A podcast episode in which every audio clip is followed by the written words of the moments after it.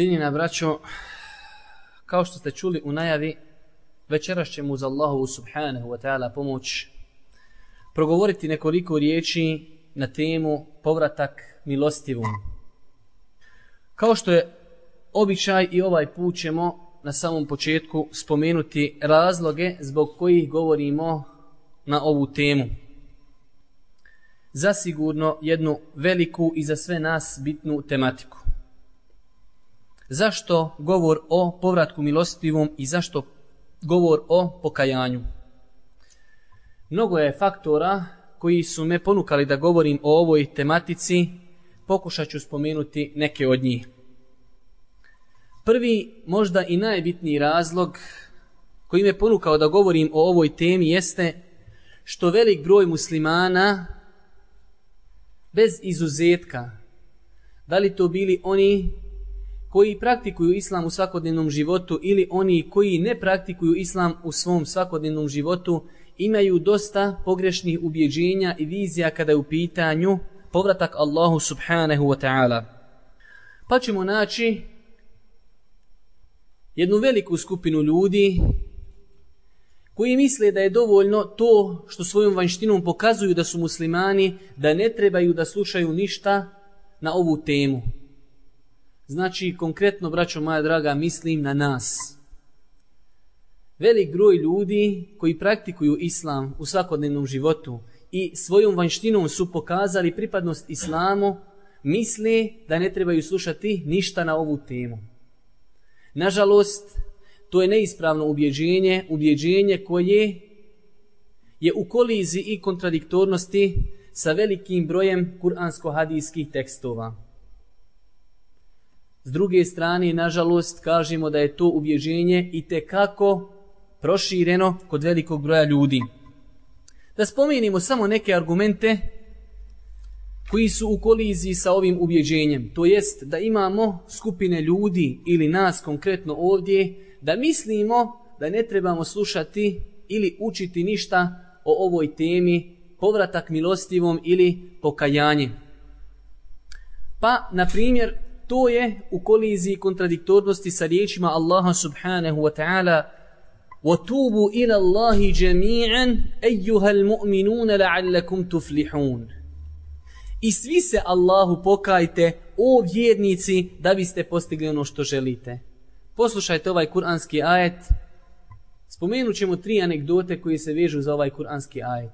Kaže Allah subhanahu wa ta'ala i svi se Allahu pokajte, o vjernici da biste postigli ono što želite. Prva stvar, kome Allah subhanahu wa ta'ala naređuje ovdje pokajanje? Naređuje svima. Svim vjernicima Allah subhanahu wa ta'ala naređuje pokajanje bez izuzetka odma vidimo u startu da ono ubjeđenje koje smo spomenuli na početku da je u kontradiktornosti i koliziji sa ovim kuranskim ajetom. Jer Allah subhanahu wa ta'ala stvoritelj zemlje i nebesa, onaj koji poznaje najbolje njegove robove, poziva sve vjernike da se pokaju Allahu subhanahu wa ta'ala. Druga anegdota jeste koga Allah subhanahu wa ta'ala poziva u ovom kuranskom ajetu na pokajanje? Mu'mine vjernike. وَتُوبُوا إِلَى اللَّهِ جَمِيعًا أَيُّهَا الْمُؤْمِنُونَ Svi se pokajte Allahu, o mu'mini, o vjernici.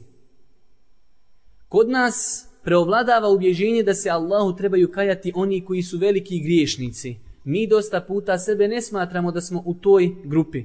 Hvala Allahu kad nismo. Ali to ne znači ako nismo u toj grupi da ne treba da se kajimo Allahu subhanahu wa ta'ala. Jer Allah Đelešanuhu kome ovdje naređuje povratak naređuje mu'minima. Allah Đelešanu je mogao kazat pokajte se o griješnici. Ali Allah Đelešanu poziva mu'mine da se pokaju.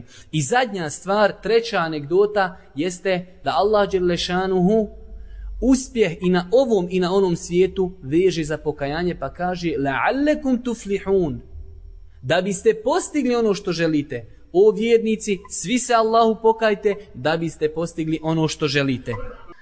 Također, takvo ubjeđenje koje zasigurno treba liječiti u kolizije sa riječima Allahu poslanika sallallahu alaihi wasallam koje je zabilježio imam et tirmidhi od Enesa radijallahu ta'ala anhu.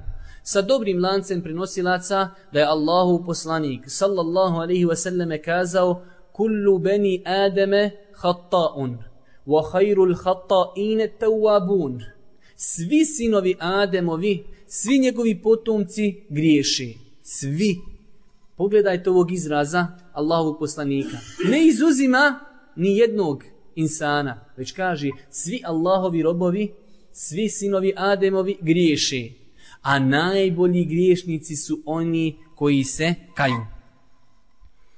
Ovo je, braću moja draga, samo jedan razlog koji me ponukao da govorim o ovoj tematici i mislim da nema drugog razloga da bi to bilo dovoljno da govorimo o tome.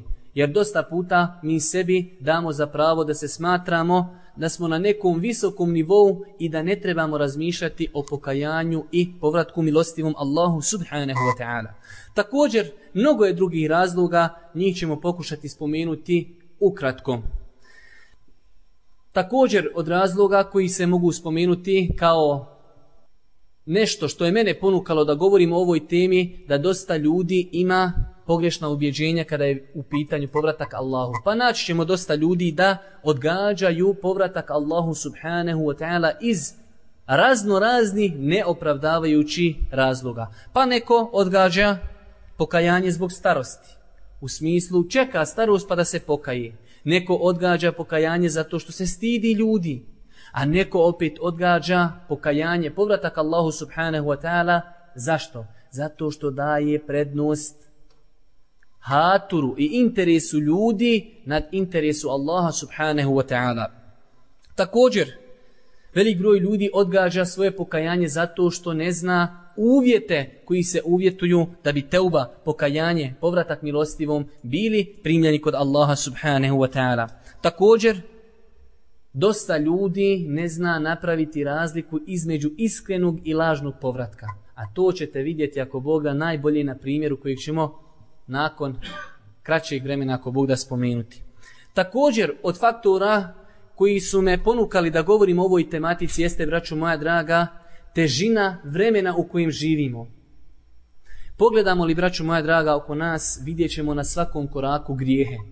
Vidjet ćemo na svakom koraku iskušenja i vidjet ćemo na svakom koraku smutnju u kojoj je teško se snaći osim onima koji se čiste od grijeha i na taj način se čuvaju iskušenja, fitne i smutnje.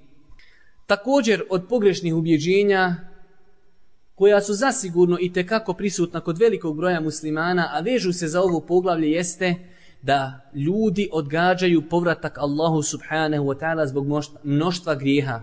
Pa ćemo naći velik broj ljudi, kada ga pozoveš na pokajanje, na teubu,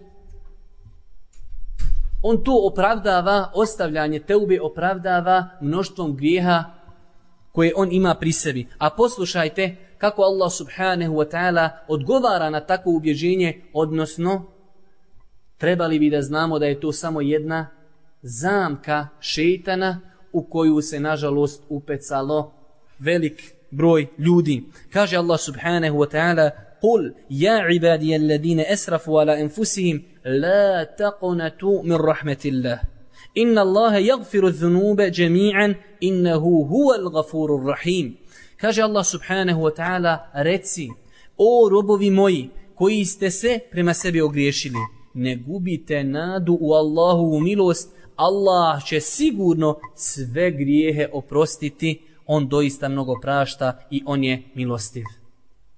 Pogledajte kako Allah subhanahu wa ta'ala poziva na početku ovog kuranskog ajeta one ljude koji su napravili nepravdu ili učinili nepravdu prema sebi, to jest griješili su, da se pokaju da je Allah subhanahu wa ta'ala taj koji prašta sve grijehe. Zato iz ovog segmenta i ovog načela islamskog vidimo veličinu Allahove milosti prema njegovim robovima. Zašto? Zato što Allah subhanahu wa ta'ala je ostavio vrata teube i pokajanja za sve njegove robove. Pogledajte vjeru Islam, kako je to potpuna i savršena vjera, da dozvoljava čovjeku koji je cijeli život proveo u kufru, nevjerstvu, grijesima, zabludi, dalaletu, da se može pokajati i da može okrenuti novu stranicu u svome životu. Da ne dužimo sa ovim razlozima, koji su pomeni i i kako bitna stvar da se spomene. Počet ćemo sa ovim našim druženjem koje, ako Bog da će, potrajati i sljedeći sedmici. Jer nemoguće je bilo, bar tako sam ja vidio, da sve što se ima kazati o ovoj temi se kaže u jednom sjelu.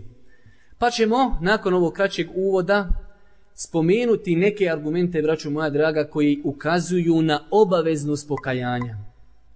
Da bi razbili te naše predrasude da smo mi ti koji ne trebaju da se kaju Allahu subhanahu wa ta'ala Zbog naše vanštine ili zbog onoga što praktikujemo od Islama. Da vidimo da je teuba, pokajanje, povratak Allahu nešto što je obavezno svim muslimanima. Mnogo argumenta koji ukazuju na to spomenut ćemo ukratko neki. Prvo ajet kojeg smo malo prije citirali gdje Allah subhanahu wa ta'ala kaže وَتُوبُوا إِلَى اللَّهِ جَمِيعًا أَيُّهَا الْمُؤْمِنُونَ I svi se Allahu pokajte o vjernici. Ovdje vidimo da Allah subhanahu wa ta'ala poziva sve vjernike na teubu, na pokajanje. S druge strane, vidimo da je to naredbena forma. Na početku ovog kuranskog ajeta Allah Đelešanu kaže وَتُوبُوا إِلَى اللَّهِ Pokajte se Allahu, svi o vjernici. A poznato je u šerijatu kada neka stvar dođe u naredbenoj formi da je ona obaveza osim ako dođe neka druga. Znači, neki drugi tekst koji ublažava tu naredbu da je spusti na nivo neke pohvalne stvari. Također od argumenta koji ukazuju na obaveznost pokajanja, povratka Allahu subhanahu wa ta'ala jesu riječi Allaha subhanahu wa ta'ala gdje kaže Ja ejuhel ladine amenu tubu ila Allahi teubetan nasuha. Asa rabbukum en yukeffira ankum sejiatikum wa yudhilakum jannatin teđri min tahtiha al-anhar. O vi koji vjerujete, učinite pokajanje, pokajte se Allahu iskrenim pokajanjem, da bi gospodar vaš preko ružnih postupaka vaših prešao i da bi vas u džennetske baše kroz koje će rijeke teći uveo. Poslušajte ovaj primjer koji pojašnja je šta znači iskreno pokajanje. Odnosno, pojašnja je šta znači neiskreno pokajanje. Allah Đelešanu nas u ovom ajetu poziva pa kaže Ja i juhedledine amenu tubu ila Allahi teubeten nasuha. O vjernici, pokajte se Allahu iskrenim pokajanjem. Prenosi se od Ammara, Mansura ibn Ammara, rahmetullahi alihi. Mansur ibn Ammar, rahmetullahi alihi, pripovijeda kako imao jednog prijatelja, velikog prijatelja, koji je bio izrazito pobožan.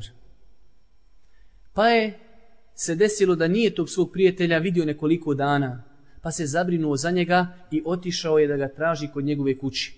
Kada je zatražio dozvolu za ulazak, izišla je njegova čirka i kazala je da je njegov prijatelj veoma, mnogo bolestan. Pa je zatražio dozvolu da uđe, da ga obiđe, pa je ušao. Kada je ušao, zatekao je tog svog prijatelja na sred kući, na krevetu kako leži i nastupile su mu smrtne muke. Kaže on tom svom prijatelju u tim teškim momentima reci la ilaha illallah. Poznato je da je Boži poslanik sallallahu alaihi wasallam poticao kada nekome nastupe smrtne muke da se podstakne na izgovaranje šehadeta. Pa je čovjek pao u nesvijest.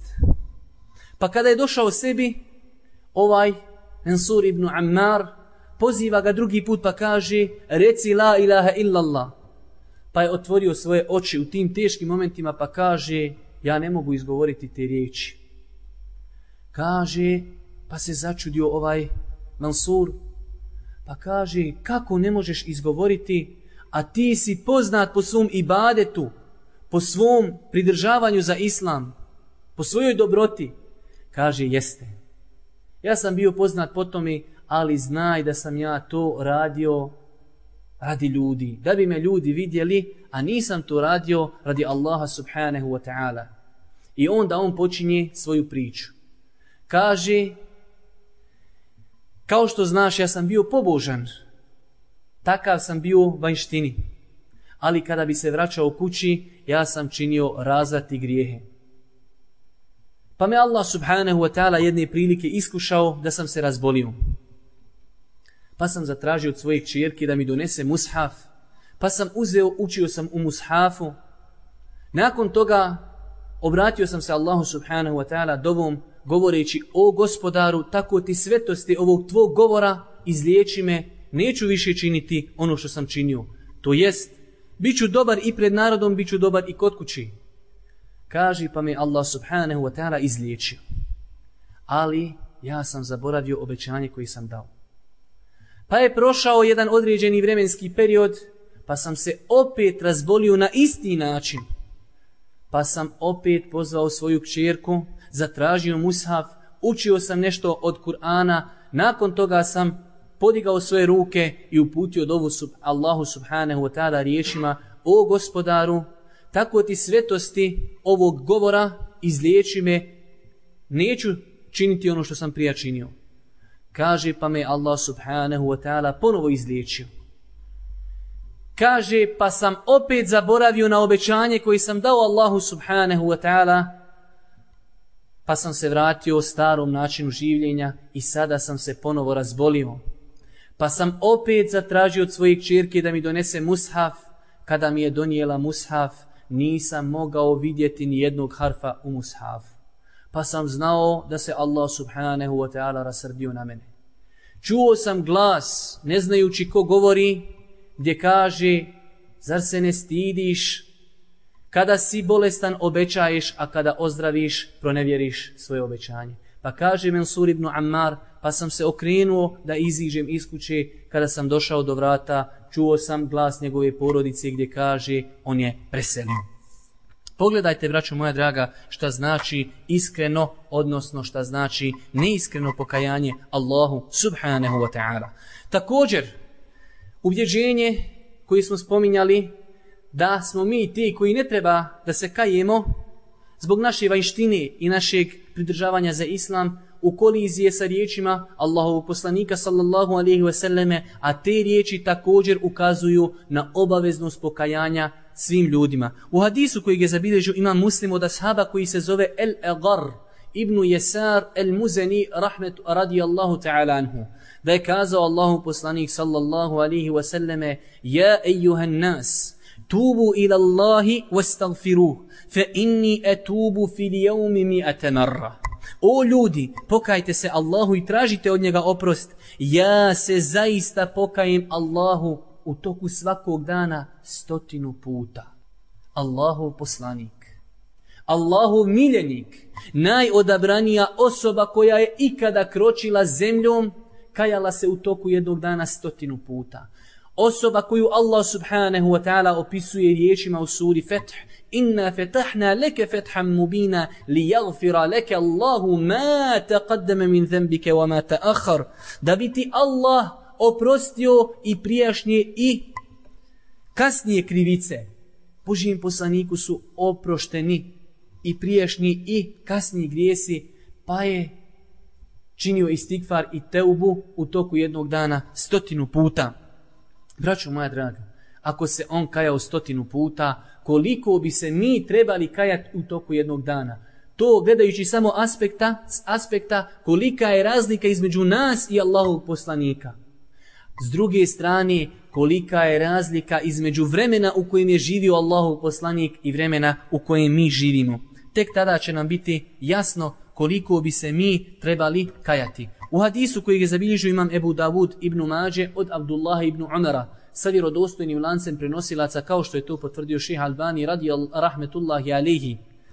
Kaže Ibn Umar, inna kunna لنعد لرسول الله صلى الله عليه وسلم في المجلس الواحد mi'ete marra رب اغفر لي وتب علي inneke ente التواب الرحيم Kaže عبد الله بن mi smo znali nabrojati Allahovom poslaniku sallallahu alaihi wasallame u jednom sjelu stotinu puta da bi kazao Rabbi gfirli wa tub alej inneke ente tawabur rahim. O gospodaru oprosti mi zaista ti praštaš i ti si milostiv. Stotinu puta braćo moja draga u jednom sjelu bi učio ovu dovu. A mi šta mi radimo u toku naših sjela stotinu puta?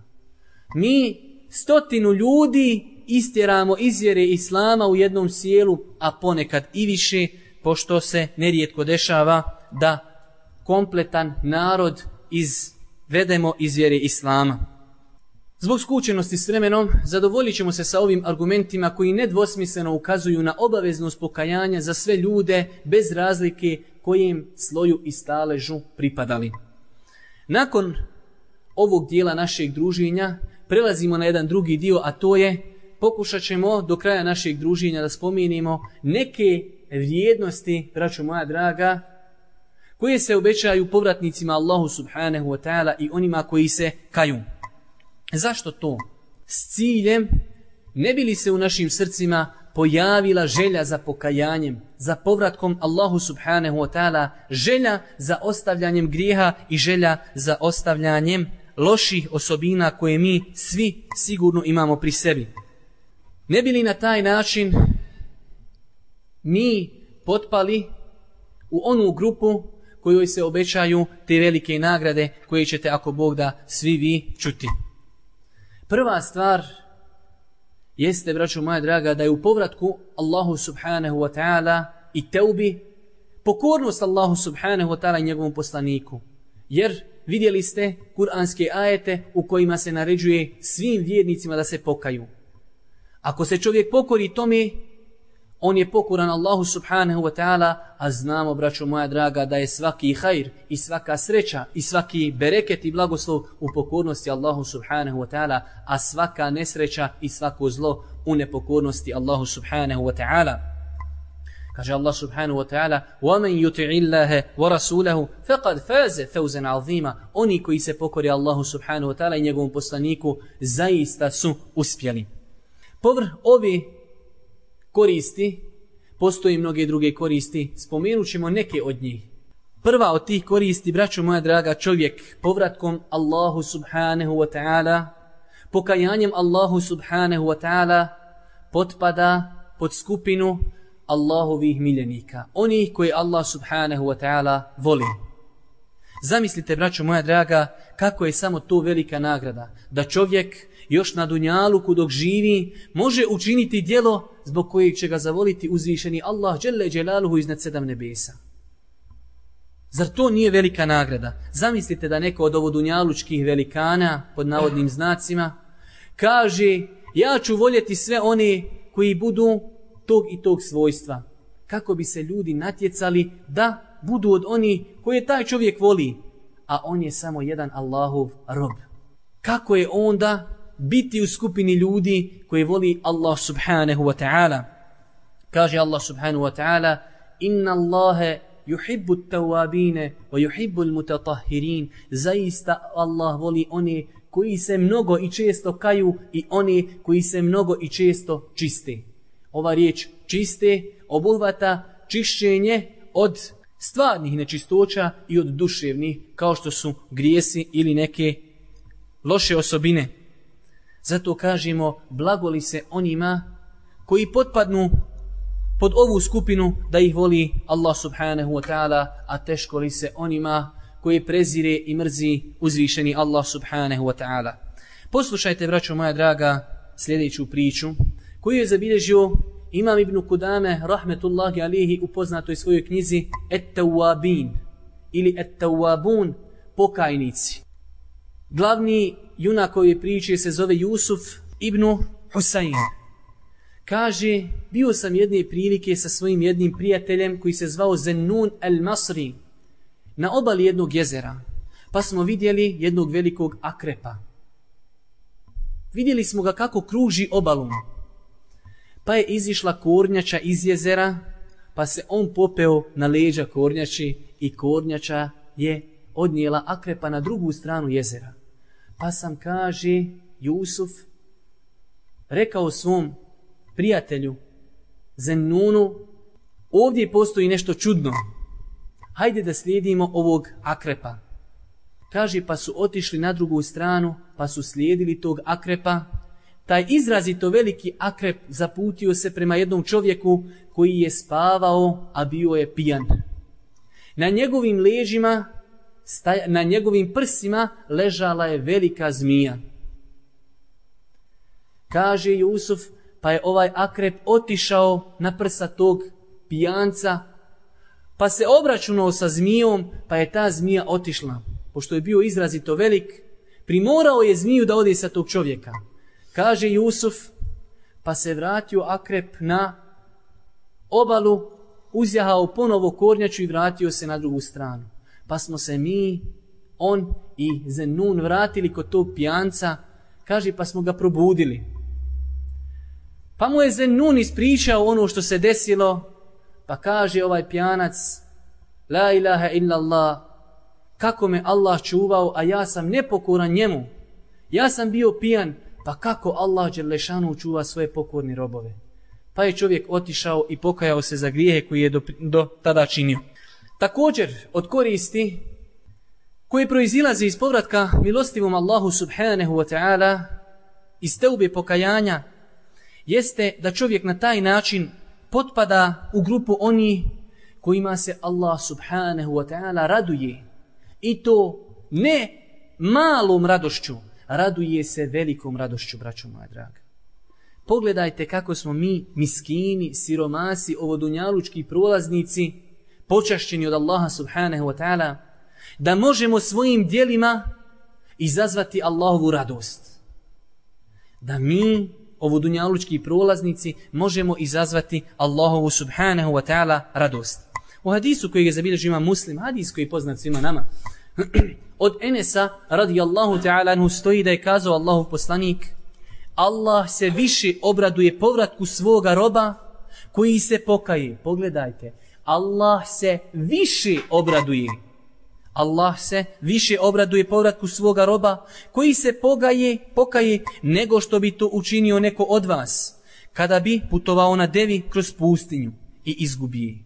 A na njoj sva hrana i voda pa je dugo traži i izgubivši svaku nadu da će je pronaći, legao u hlad drveta da se odmori. Izgubivši nadu da će je naći, odjedan put ugleda svoju devu u neposrednoj blizini. Kako mirno stoji, te odmah skoči i uhvati je i od silne radosti uzvikne, Bože moj, ti si moj rob, ja sam tvoj gospodar, pogrešivši od jačine radosti. Pogledajte, braćo moja draga, kolika je jačina radosti ovog insana. Mi smo dosta puta slušali ovaj hadis, ali je malo onih koji su se zaustavili kod pouka i poruka ovog hadisa. Zamislite, braćo moja draga, nekada kada ste u teškoj situaciji, pa kada čovjeku dođe izlaz, kako se čovjek lijepo i lagodno osjeća. A ovdje u ovom slučaju, ovom čovjeku je prijetila stopostotna smrt. U pustinji bez vode i bez hrane, čovjek je osuđen na smrt. Zamislite kakva je radost tog čovjeka da je toliko pogriješio da je izgovorio riječi kufra. Zbog kojih neće inšala biti pitan zato što je to kazao u neznanju. Ali je toliko pogriješio da je rekao riječi kufra. A Allah subhanahu wa ta'ala se više obraduje povratku njegovih robova njemu od radosti ovog čovjeka koji je našao svoju jahalicu u ovakvom teškom stanju. Braćo moja draga, jesmo li ikada razmišljali i da li smo svjesni veličini Allahove milosti i ljubavi prema njegovim robovima? Pogledajte samo jedan primjer. Da li bi majka nekog od nas mogla da gleda svoje dijete u vatri ili da ga ona baci u vatru? Zasigurno ne bi, iako mi živimo u vremenu kada velik broj majki i očeva direktno ili indirektno svoju djecu guraju u vatru džehennema. Ali osnova je da majka ne može gledati svoje dijete da se pati. A treba da znamo da je ljubav Allaha subhanahu wa ta'ala prema njegovim robovima veća od ljubavi majke prema njenom djetu. U hadisu koji je zabilježio ima muslim od Omera radijallahu ta'ala stoji da je kazao Omer, jedne prilike su Božijim poslaniku dovedeni robovi, roblje, zarobljenici. Među tim robovima je bila jedna žena koja je tražila svoje dijete, pa kada ga je našla i ugledala, prigrlila, prigrlila je svoje dijete, uza se i zadojila ga. A tu je gledao Božji poslanik i njegovi ashabi, pa kaže Allahu poslanik, eteraune hazihi el mar'ate tarihaten waledeha fin nar. Šta vi mislite, da li bi ova žena ikada bacila svoje dijete u vatru? Kako je to, braću moja draga, slikovit primjer? Kažu ashabi, o Allahu poslaniće, ona, ako bi mogla to izbjeći, nikada ne bi bacila svoje dijete u vatru. Kaže Allahu poslanik sallallahu alaihi wa sallame, Lallahu arhamu bi ibadihi min hadhihi bi waladiha. Allah je više milostiv prema svojim robovima od milosti ove žene prema njenom djetu. Treća korist od povratka Allahu subhanahu wa ta'ala, pokajanja Allahu subhanahu wa ta'ala jeste da čovjek pokajanjem i povratkom Allahu subhanahu wa ta'ala čisti svoje, čisti svoje srce od grijeha. Čisti ga od kopreni koja bi mogla da prekrije njegovo srce ako se ne bude redovno kajao i ako ne bude redovno čistio svoje srce. Braćo moja draga, grijesi mogu tako preplaviti čovjekovo srce do te mjeri da čovjek ne može razlikovati istinu od neistine, niti dobro od zla. I suprotno tome i još više, da čovjek može zbog mnoštva grijeha doći na nivo da loše stvari, grijehe smatra dobrim stvarima, a dobre stvari smatra lošim. Primjera je toliko da ih ne treba navoditi koliko puta su se ljudi izopačili u svojim grijesima da pozivaju u grijehe smatrajući to dobrom, a odvraćaju od dobra smatrajući da je to zlo. U hadisu koji ga zabilježi imam Etirmiti ibn Mađe Ahmed od Ebu Hurire radijallahu ta'ala anhu stoji da je kazao Allahu poslanik čovjek kada počine grijeh pojavi se na njegovom srcu crna tačka. Pa ako se pokaje i povrati Allahu subhanahu wa ta'ala njegovo srce se izglača, očisti se. A ako se ne pokaje, to se povećava sve dok to ne preplavi njegovo srce, a to je Ar-Ran, kojeg Allah subhanahu wa ta'ala spominje u suri Mutaffifin, gdje kaže Kella bel rane ala kulubihim ma kanu jeksibun, ono što su radili prekrilo je njihova srca. Grije koje su činili prekrili su njihova srca do te mjeri da nisu mogli rezonovati niti razlikovati šta je dobro, šta je zlo. Zato kažemo, braću moja draga, ako svoje srce želi čistiti i sačuvati ga od kopreni koja može biti tako opasna, onda mu preporučujemo pokajanje i povratak uzvišenom Allahu subhanahu wa ta'ala. Četvrta korist od povratka Allahu subhanahu wa ta'ala jeste lagodan i ugodan život još na Dunjaluku. Mi smo o ovome govorili u našem predavanju kada smo govorili o ključevima halal obskrbi. Sjećate se ajeta kojih smo spominjali u suri Nuh. Kada kaže Nuh alaihi salatu wasalam, obraćajući se svome narodu, وَكُلْتُ اسْتَغْفِرُوا رَبَّكُمْ إِنَّهُ كَانَ غَفَّارًا يُرْسِلِ السَّمَاءَ عَلَيْكُمْ مِدْرَارًا وَيُمْدِدْكُمْ بِأَمْوَالٍ وَبَنِينَ ويجعل لكم جنات ويجعل لكم انهارا ما لكم لا ترجون لله وقارا i govorio je Nuh tražite od gospodara svoga oprost jer on doista mnogo prašta on će vam kišu obilatu slati i pomoći će vas i mecima i sinovima i da će vam bašće i rijeke će vam dati šta vam je zašto se Allahove sile ne bojite pogledajte ovdje Allah subhanahu wa ta'ala obećaj onima koji se pokaju da će im slati kiše, da će ih pomoći i mecima, da će ih pomoći sinovima, da će im dati bašće kroz koje će rijeke teći. Sve su to, braću moja draga, ovo dunjalučke, ovo dunjalučke koristi i ovo dunjalučki užici. Peta korist od pokajanja jeste, braću moja draga, korist koja zasigurno kada bi se gledala, njena veličina zaslužuje možda da bude spomenuta prije ovog, ali nema smetnje da se spomene i kao zadnja. Nešto, braćo moja draga, što ukazuje zasigurno na veličinu milosti Allaha subhanahu wa ta'ala. Nešto što ne možemo naći nigdje osim kod Allaha subhanahu wa ta'ala. Pogledajte, braćo moja draga, ljude i njihovo ovo dunjalučko sarađivanje i život. Vidjet ćemo kada čovjek pogriješi, prema nekom insanu, da je veliki uspjeh da ti taj insan halali. Da ti samo halali, to je veliki uspjeh. A pogledajte, braćo moja draga, Allahovi subhanahu wa ta'ala svojstava koja se ne mogu naći nikod koga osim kod njega subhanahu wa ta'ala. Allah subhanahu wa ta'ala ne samo da prašta ljudima koji se pokaju, ne samo to, već od njegove milosti je i to da oni koji se iskreno pokaju, nakon toga povjeruju, nakon toga čine dobra djela, da će Allah subhanahu wa ta'ala njihove grijehe koji su počinili prije teube pretvoriti u dobra djela. Zamislite, odeš čovjeku i cijeli život ga udaraš, cijeli život ga vrijeđaš i na kraju dođeš, tražiš halala, on ti kaže, e, evo ti za svaki šamar koji si mi udario i za svaku uvredu, još ću te i nagraditi. To zato kažemo da je nemoguće naći na Dunjaluku, to jedino možemo naći kod uzvišenog Allaha subhanahu wa ta'ala, a njegove riznice ne zna niko osim on subhanahu wa ta'ala. Kaže Allah subhanahu wa ta'ala u suri Al-Furqan, إلا من تاب وآمن وعمل عملا صالحا فأولئك يبدل الله سيئاتهم حسنات وكان الله غفورا رحيما osim oni koji se pokaju i nakon toga vjeruju i dobra djela čini Allah će njihova loša djela u dobra pretvoriti a Allah prašta i samilostanje pogledajte Allahovi milosti onaj ko se pokaje nakon toga nastavi vjerovati činiti dobra djela Allah subhanahu wa ta'ala njegova loša djela će pretvoriti u dobra djela. Dolazi čovjek jednom poznatom islamskom pobožnjaku Ibrahim ibn Edhemu. Kaže mu, ja sam veliki griješnik, savjetuj me kako da ostavim grijehe, jer ne mogu nikako da se pokajem.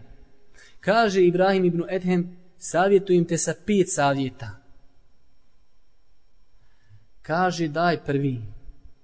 Kaže ako želiš griješiti Allahu subhanahu wa ta'ala, nemoj da jedeš njegovu nafaku. Kaže čovjek la ilaha illallah.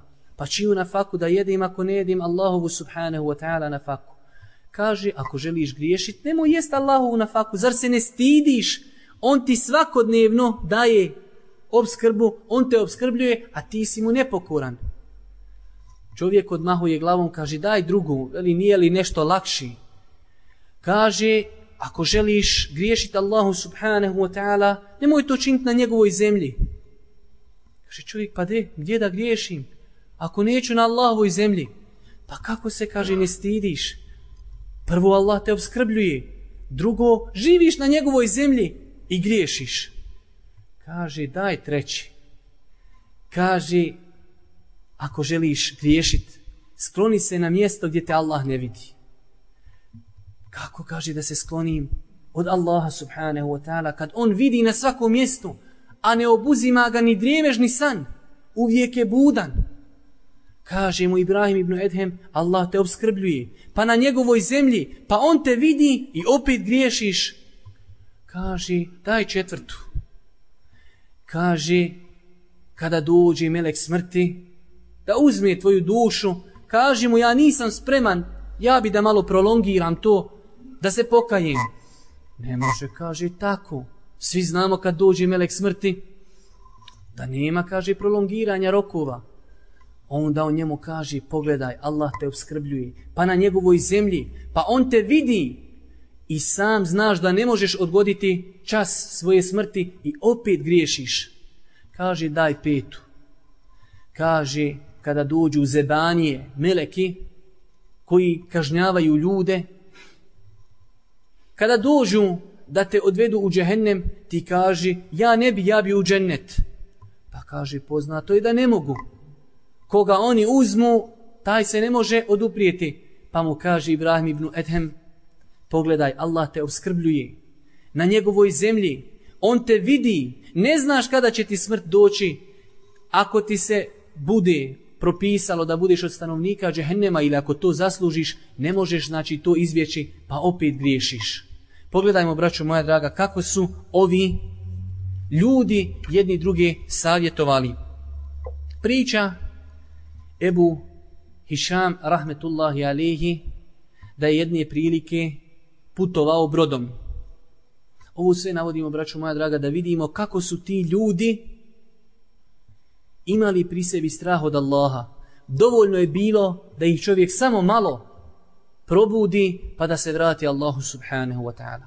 Ovaj Ebu Hišam, rahmetullahi alihi, kaže putovao sam jedne prilike brodom. Pa se na brod ukrcao čovjek koji je imao robinju. Pa kada smo krenuli putovati, oni su stavili sofru da jedu. Pa su mene pozvali da jedem sa njima, pa sam jeo. Pa nakon što su završili, vlasnik robinje kaže, ponesi muzički instrument, ponesi frulu, ponesi nešto, gitaru, kaže svojoj robinji, zapjevaj nam. Pa je ona nešto pjevala, pa u jednom momentu obraća se ovom Ebu Hišamu, kaže, znaš li ti pjevat? Kaže, on znam. Znam nešto bolje od toga. Šta je? Kaže, ovaj čovjek se začudio. Šta ti znaš bolje od ovoga? Kako je ovo lijepo? Kaže, a'udhu billahi mine šeitanir rajim, bismillahirrahmanirrahim. Ide šemsu kuvirat, wa ide nuđumun kederat, wa ide l'đibalu sujirat, wa ide l'aisharu utilat, wa ide l'vuhušu huširat, wa ide l'biharu suđirat, wa النفوس زوجت وإذا wa سئلت بأي su'ilat, bi وإذا الصحف kutilat, wa nushirat kada sunce sjaj izgubi i kada zvijezde popadaju i kada se planine pokrenu i kada steune kamile bez pastira ostanu. Toliko vrijedan imetak steune kamile bez pastira. Zašto? Svako se zabrinuo za sebe. Kijametski dan nastupa i kada se divlje životinje saberu i kada se mora vatrom napuni i kada se duše s tijelima spoji i kada živa sahranjena djevojčica bude upitana zbog kakvog grijeha je ubijena i kada se knjige podijeli. Kada je ovaj Ebu Hišam proučio ovaj kuranski ajet fe ide suhufu nuširat kada se knjige na sudnjem danu podijeli kaže ovaj čovjek stop, dobro je. Prvo što je rekao kaže svojoj robinji slobodna si odma iz istog momenta pokajanje, slobodna si. Obraća se Ebu Hišamu, kaže, je li misliš da bi Allah uslišao moje pokajanje ako se pokajim? Kaže, da, ako se iskreno pokaješ, jer Allah Đelešanu kaže, inna Allahe juhibbu tawabine, wa juhibbu mutatahirin. Allah voli oni koji se često kaju i oni koji se često čiste. Pa se čovjek pokajao od grijeha koji je činio.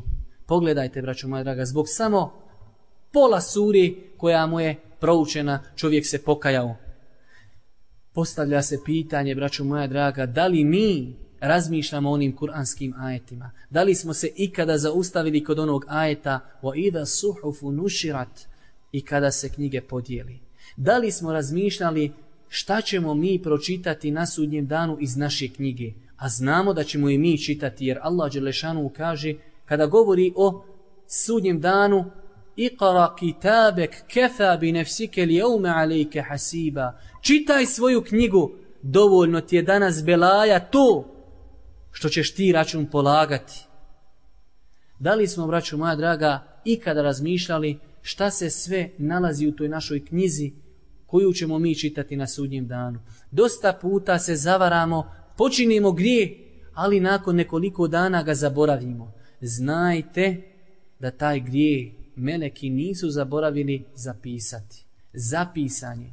Registri dužine pogleda 99 takih registara u kojima su zapisana čovjekova djela. Zato, braćo moja draga, o tim stvarima treba razmišljati i treba se za takve momente još od danas pripremati. Na kraju završit ćemo ovaj naš vaz, ovo naše druženje sa hadisem kojeg je zabilježio ima muslim. Svi, svima nama je taj hadis poznat. Ali ćemo ga citirati zbog predaje koja sigurno velikom broju nas nije poznata. Hadis kojeg od Božih poslanika sallallahu alaihi wa selleme prenosi Burejde radijallahu ta'ala anhu. Hadis je vjerodostan u muslimovoj zbirci hadisa.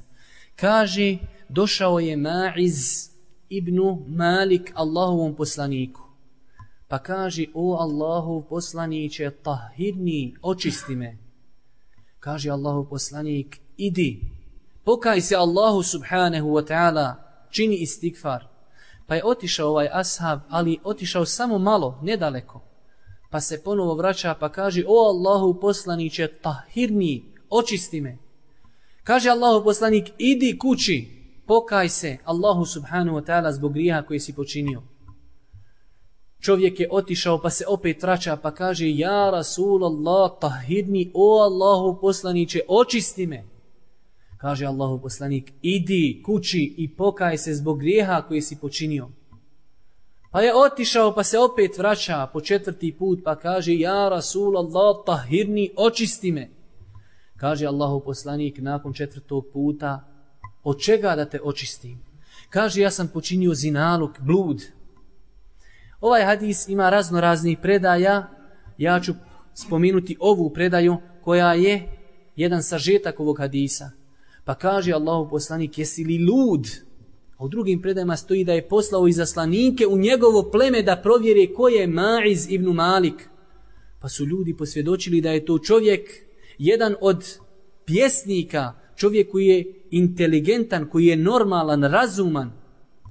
Kaže Allahu poslanik, jesi li pjan? Pa je ustao jedan od ashaba, pa je pomirisao njegova usta, pa kaže o Allahu poslaniće, ne čuje se alkohol. Pa ponovo kaže Allahu poslanik, šta si učinio? Kaže, ja sam zinaručio. Pa je Boži poslanik, sallallahu alaihi wasallame, naredio da se kamenuje. Postoje druge predaje, kako se je izvršilo kamenovanje i ko je izvršio. Ali u ovoj predaji to ne stoji. Kaže prenosioc ovog hadisa, pa je prošlo dva ili tri, tri dana od pokajanja ili od ovog događaja. Pa je došao Allahu poslanik sallallahu alihi wasallame u to sjelo, sjelo ashaba, pa kaže istagfiru li ma'iz ibn Malik, tražite od Allaha subhanahu wa ta'ala da oprosti ma'izu. Pa su svi zatražili od Allaha subhanahu wa ta'ala da mu oprosti. Pa kaže Allahu poslanik sallallahu alaihi wa sallame لقد تاب توبة لو قسمت بين الأمة لوسعتهم Ma'iz je se pokajao teubom koja kada bi se podijelila i razdijelila cijelom ummetu bila bi mu dovoljna. Pogledajte, braćo moja draga, iskrenosti teube Ma'iz ibn Malika radijallahu ta'ala anhu toliko se srčano pokajao Allahu subhanahu wa ta'ala zbog grija kojeg je počinio do te mjeri da Allahu poslanik, najodabrani i najiskreniji Allahov rob kaže njegova teuba kada bi se podijelila cijelom ummetu bila bi im dovoljna. Molimo Allaha subhanahu wa ta'ala na kraju ovog druženja da nas učini od onih ljudi koji će biti u karavani pokajnika i povratnika Allahu subhanahu wa ta'ala. Molimo ga subhanahu wa ta'ala da nas učvrsti ovim teškim momentima. Molimo ga subhanahu wa ta'ala da nam oprosti naše grijehe, da nam bude milostiv na sudnjem danu, da pomogne našoj braći muslimanima ma gdje bili i na kraju subhanake Allahumma da bihamdike ašhedu an la ilaha illa ente estagfiruke wa etu